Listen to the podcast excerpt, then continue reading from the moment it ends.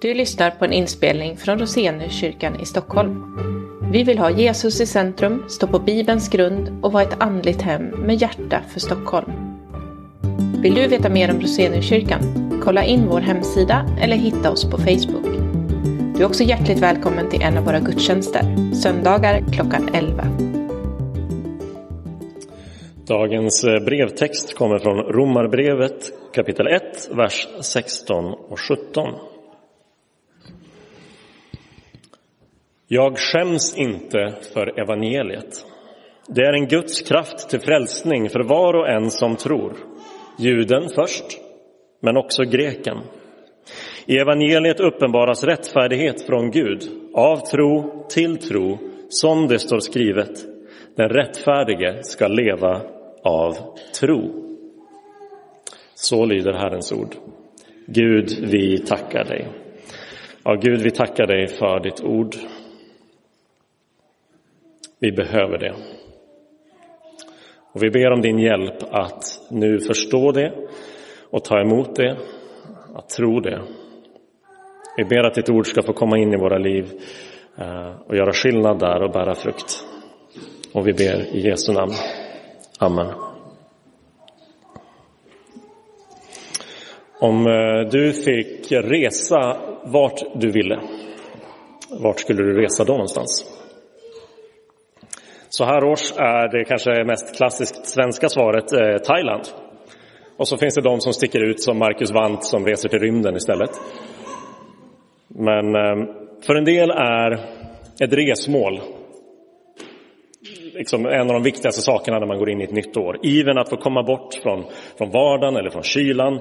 Att få se nya platser är något man spenderar inte bara mycket pengar på utan tid av att drömma om och planera för.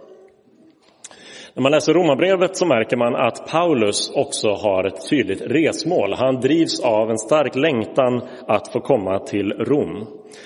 Eh, I första kapitlet, vers 10, alltså bara strax före det eh, avsnitt vi läste, så står det att han ber alltid om att nu äntligen få möjlighet att komma. Och kapitel 15, precis mot slutet av brevet, så skriver han, jag har längtat i många år efter att få besöka er. I Apostlagärningarna 27 och 28 så kan vi följa Paulus resa till Rom. Det är inte en lyxresa direkt, den sker i bojor med en seglats, med en storm, skeppsbrott, en lång tid fast på Malta. Det kanske inte låter så hemskt. Ehm, men det är en flera månader lång, mödosam, livsfarlig resa tills han till slut kommer till Rom.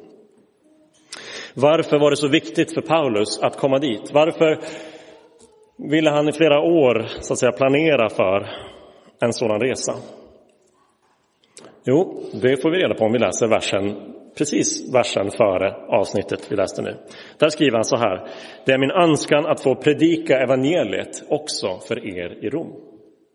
De första 15 verserna i inledningen till brevet så återkommer Paulus gång på gång till det här ordet, evangeliet. Han nämner det fyra gånger. Det evangeliet som är de, de goda nyheterna om Jesus Kristus, Guds son.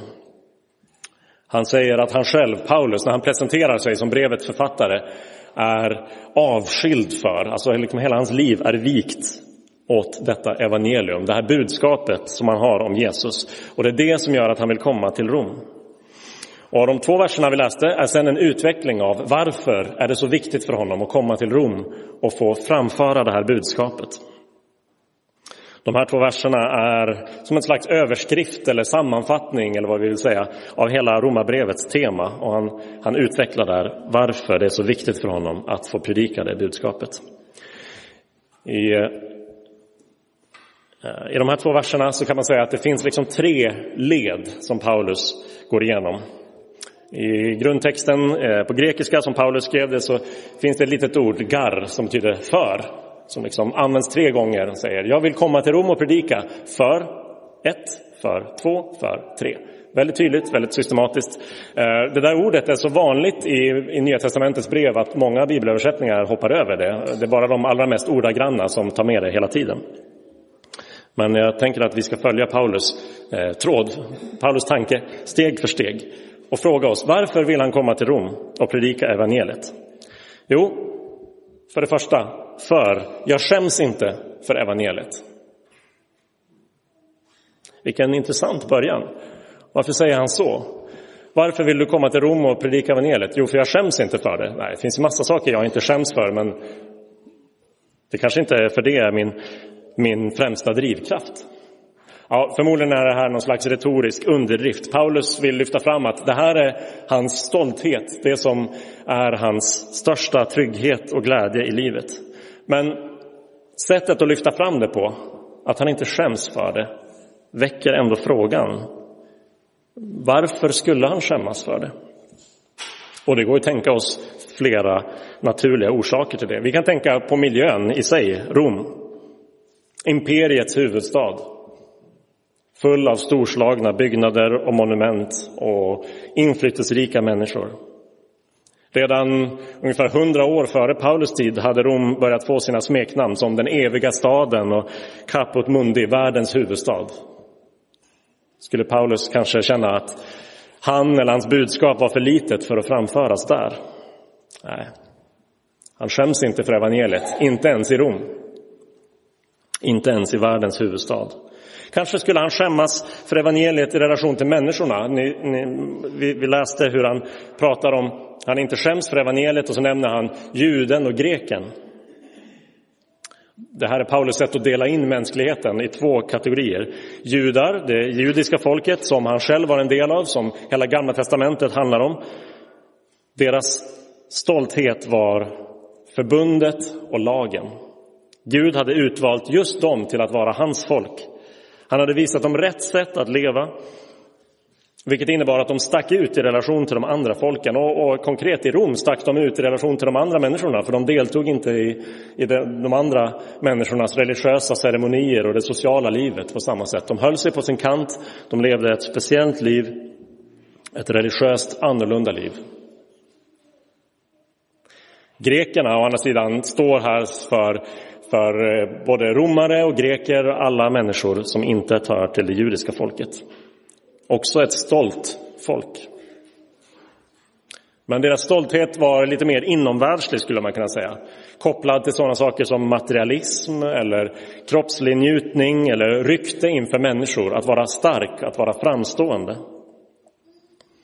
Och i Rom hade det såklart en särskilt kosmopolitisk, sofistikerad prägel. Att vara en, en storstadsmänniska från Rom. Det här är två väldigt olika grupper Paulus nämner, juden och greken. Och samtidigt kanske inte så värst olika. Därför att båda två kunde på varsin väg nå en övertygelse och en känsla av stolthet. Vi är unika. Vi är bättre än de andra människor. Judarna hade sin motpol i hedningarna, de som inte kände till Guds lag, de som följde meningslösa, icke-existerande gudar. Grekerna hade sina motsvarigheter i barbarerna, de som var obildade, levde enkelt och simpelt. Båda folken på varsin väg hade en tydlig känsla av, en tydlig självbild av stolthet. Skulle Paulus skämmas inför dem? Nej. Båda grupperna kunde ha nära till hands att avfärda evangeliet om Jesus som i bästa fall ointressant och i värsta fall faktiskt skamligt. Varför skulle jag vilja sluta upp kring och, och bära namnet av en person, en ledare som förnedrats och avrättats offentligt genom korsfästelse? Det vore något att skämmas över. Det här väcker frågan i oss. Känner vi skam inför evangeliet om Jesus? Känner vi skam inför religiöst sinnade människor, de här som, som strävar och når höjder av självdisciplin som vi andra bara kan drömma om. Som bygger sin identitet på självkontroll och korrekthet. Eller känner vi kanske skam inför de materialistiskt sinnade, de som följer själens och kroppens alla impulser och känner jag är minsann fri och lycklig jämfört med de kristna som förnekar livets nöjen och glädjeämnen. Skäms vi för evangeliet inför någon av de grupperna? Eller kanske vi skäms bara inför vår stad? Tror vi att evangeliet står sig i offentligheten, i de kulturella, akademiska och politiska finrummen eller tänker vi att det är skört och måste skyddas av kyrkans väggar för det är det enda stället där det riktigt tål att höras? Skäms vi? tror att vi alla är, kanske av olika skäl, i olika miljöer, inför olika människor, kan skämmas för evangeliet. Det är intressant för mellan det, ehm, den dag då Paulus satt ner och skrev det här brevet och till slut stod i Rom så hände en gång att han stod inför ståthållaren Festus och kung Agrippa och han predikade evangeliet för dem. Och Festus, när han hade lyssnat en stund, ropar till Paulus, du är galen. Vad skulle Paulus göra? Bli tyst? Rodna? Skämmas? Sätta sig? Sluta? Han svarar kort och gott, jag är inte galen. Det jag säger är sant och förnuftigt och det har inte hänt i någon avkrok. Den övertygelsen önskar jag för var och en av oss. Och om du inte känner den, om du märker att i relation till vissa kulturella idéer, tankegångar eller fördomar så, så skäms jag för min tro eller för evangeliet om Jesus. Så är det något att ta på allvar. Att eh, förhöra, ställa frågor till. Varför är det så? Vad beror det på? Vad är det jag har kanske missförstått eller vad behöver jag lära mig mer om? Och kan jag vara till hjälp så är du välkommen att prata med mig. Paulus säger att han vill predika evangeliet i Rom, för det första att han skäms inte för det. Och så fortsätter han, jag skäms inte för det, för det är Guds kraft till frälsning. För var och en som tror, juden först, men också greken. Paulus stolthet över evangeliet är rotad i att evangeliet ger frälsning. När evangeliet utmanas från människor som är kritiska mot det eller tycker sig för fina för det eller att det där gäller inte mig eller det där är inte sant. Då är det lätt att liksom ta till en reträtt och backa och säga att ja, men det ger mig mening eller det styrker mig eller det tröstar mig. Men Paulus gör inget sånt. Han höjer istället anspråken, han höjer ribban. Nej, evangeliet är inget han är glad över därför att det gör någonting subjektivt för honom utan tvärtom för att det är det enda som funkar när allting ställs på sin spets. När det är fråga om liv och död så finns det en sak som kan ge frälsning, som kan rädda från döden, som kan ge evigt liv. Evangeliet om Jesus. Evangeliet gör inte anspråk på att lösa praktiska problem eller vara en snuttefilt eller en psykologisk krycka eller en boost för de där sista tio procenten som jag inte riktigt klarar själv. Evangeliet är en räddning inför döden. När ingenting annat finns kvar, när ingenting annat bär, när allting jag själv byggt upp, när allting jag har hållit fast vid kollapsar, när jag är på väg att drunkna, så är evangeliet livbojen. Det som räddar, det som frälsar. Det räddar från döden, det räddar från slutgiltig separation från Gud. Ju svårare läge, desto mer som står på spel desto mer strålar också evangeliet fram. Det förbättrar inte en människa som överlag klarar sig rätt bra. Det frälser den som fullständigt kommit bort och förlorat sig. Men det är intressant att Paulus inte bara talar om evangeliet som frälsning utan han talar om det som en kraft, Guds kraft till frälsning. Det betyder att evangeliet som är ett budskap ändå är mycket mer än bara information. Kraft betyder ju rörelse, det betyder förändring och förvandling, någonting som sätts igång, någonting som blir annorlunda. Så när vi hör evangeliet så hör vi inte bara ett påstående, en information att, att analysera och plocka ner i småbitar och, och studera. Det kan vi också göra. Det håller för det. Men det är något mer än så, det är kraft. Det vill säga, när vi hör evangeliet så erfar vi faktiskt Gud själv. Det är inte bara så att vi just nu här tillsammans liksom kognitivt och intellektuellt påminner varandra om informationen Gud är god. Nej, när vi hör evangeliet så möter vi Guds godhet. Gud är god mot oss precis i den här stunden genom att vi får höra evangeliet. om att det finns frälsning för var och en av oss när vi gått förlorade fullständigt.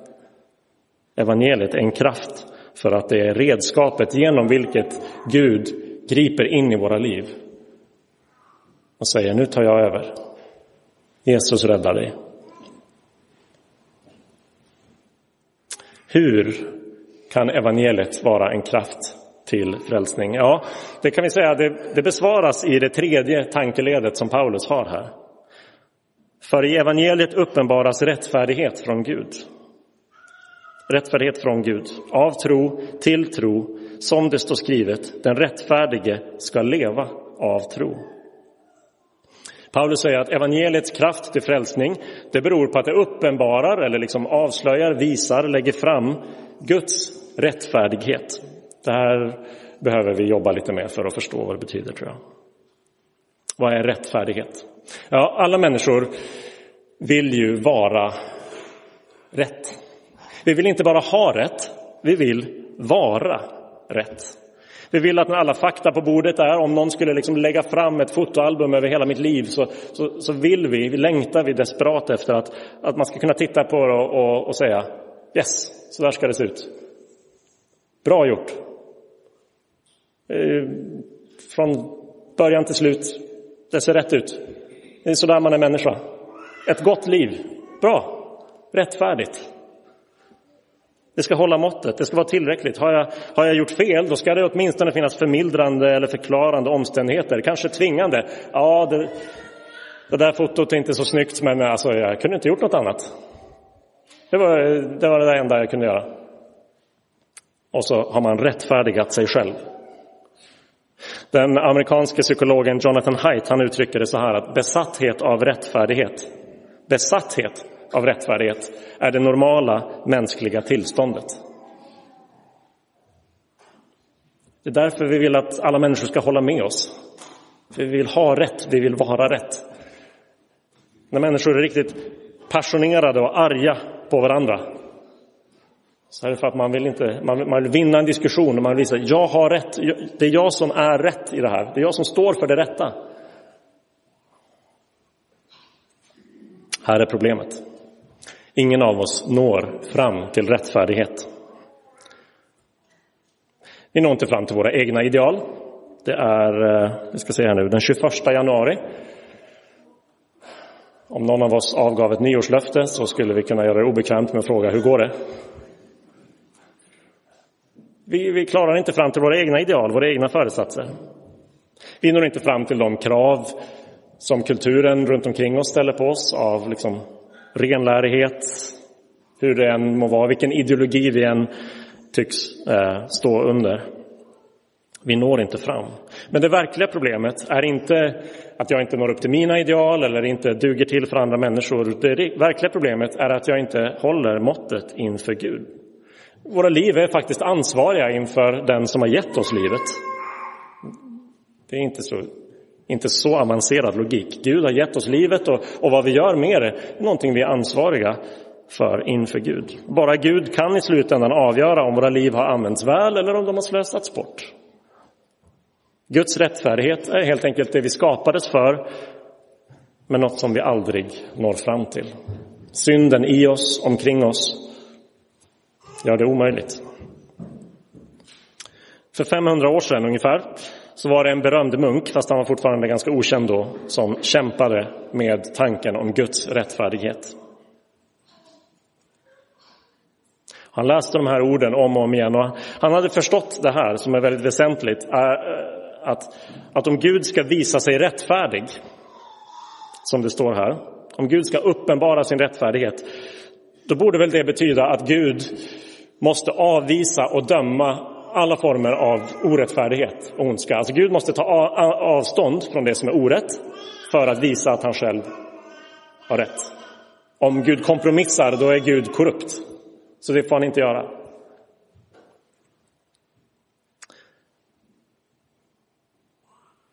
En dag när den här munken, han hade samma förnamn som jag, eh, när han mediterade över Romarbrevet 1 och 17 så trillade poletten ner och han förstod vilken skillnad Jesu död på korset gör för oss. Och han, han förstår vad Guds rättfärdighet i just den här versen innebär. Han skriver så här när han ser tillbaka i sitt, eh, senare i sitt liv. Det var Martin Luther, ifall ledtrådarna inte räckte till så var det Martin Luther. Ehm, det är inte alla som är bekant med honom. Ehm, men han skriver så här när han senare i sitt liv ser tillbaka på den här stunden, när han läste Romarbrevet 1 och 17, mediterade över den och så trillar polletten ner och så säger han, jag började förstå att den här versen betyder att Guds rättfärdighet uppenbaras genom evangeliet. Men att det är en passiv rättfärdighet, det vill säga den barmhärtige guden gör oss rättfärdiga genom tron. Här kände jag att jag verkligen var född på nytt och hade trätt in i paradiset genom öppna portar. Den insikten blev ett av startskotten till reformationen. För Luther fick syn på att vad Jesus, eh, Luther fick syn på vad Jesus gjort för oss genom sin död på korset. Jesus levde rättfärdigt. Jesus nådde fram till inte bara sina egna föresatser eller nyårslöften eller inte bara till andras förväntningar. Jesus levde enligt Guds tanke för en människas liv. Eh, Jesus gjorde alltid och endast gott i Guds ögon. Och ändå fick Jesus det slut som vi med våra synder förtjänar. På korset bar Jesus inte sin egen synd, utan vår. Och det betyder att Gud nu kan vara rättfärdig på ett till sätt. Inte bara genom att avvisa och döma det onda, utan genom att göra oss orättfärdiga rättfärdiga. För han har redan dömt ondskan, tagit avstånd från den, straffat den i Jesus. Genom sitt genidrag, genom sin frälsningsplan, genom att komma själv till jorden i Jesus, så kan Gud göra både och. Han kan döma ondskan och frikänna de orättfärdiga. Och så visar han sin rättfärdighet just genom att förklara oss rättfärdiga och låta det Jesus har gjort gälla för dig och mig. Ingen annan än Gud hade kunnat komma på något sånt. Nu är det enda som finns kvar för oss att göra är att tro på Jesus. Att lita på Guds rättfärdighet, att upptäcka och se Guds rättfärdighet, Guds godhet mot oss i Jesus. Gud dömer inte dubbelt. Han har dömt synder en gång i Jesus.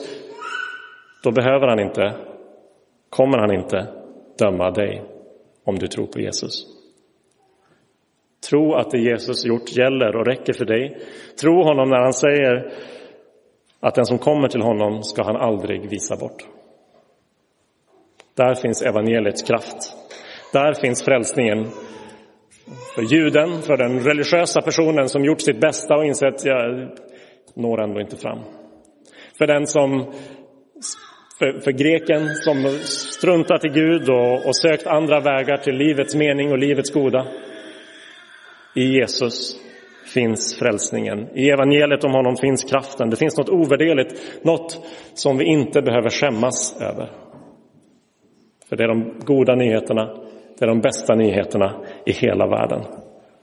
Låt oss ta emot dem. Vi ber.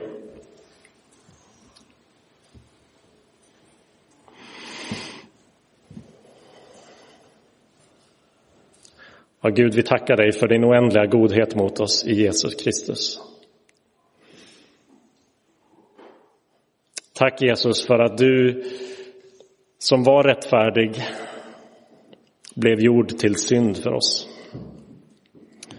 Tack Gud för att du lät domen som skulle drabba oss drabba Jesus så att din rättfärdighet nu kan bli vår. Att vi bara behöver tro och lita på och ta emot det Jesus har gjort för oss så är kraften till frälsning släppt lös i våra liv.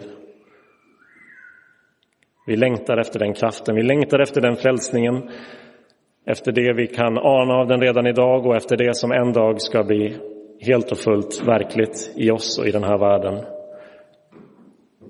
Tack Gud för att du gjort den frälsningen möjlig. Du ser alla de situationer, Gud, där vi har lätt för att skämmas för Jesus, för evangeliet. Hjälp oss att komma till rätta med dig och med vårt verkligen avgörande behov av vad Jesus har gjort för oss. Så att evangeliet inte är en källa till skam utan en källa till glädje och stolthet. när vi gett upp vår egen stolthet och bara klänger oss fast vid dig Jesus och litar på dig och ditt liv och din död och din uppståndelse och att den kraften kan verka i våra liv. Vi behöver det här Jesus, vi behöver dig. Kom till oss. Amen.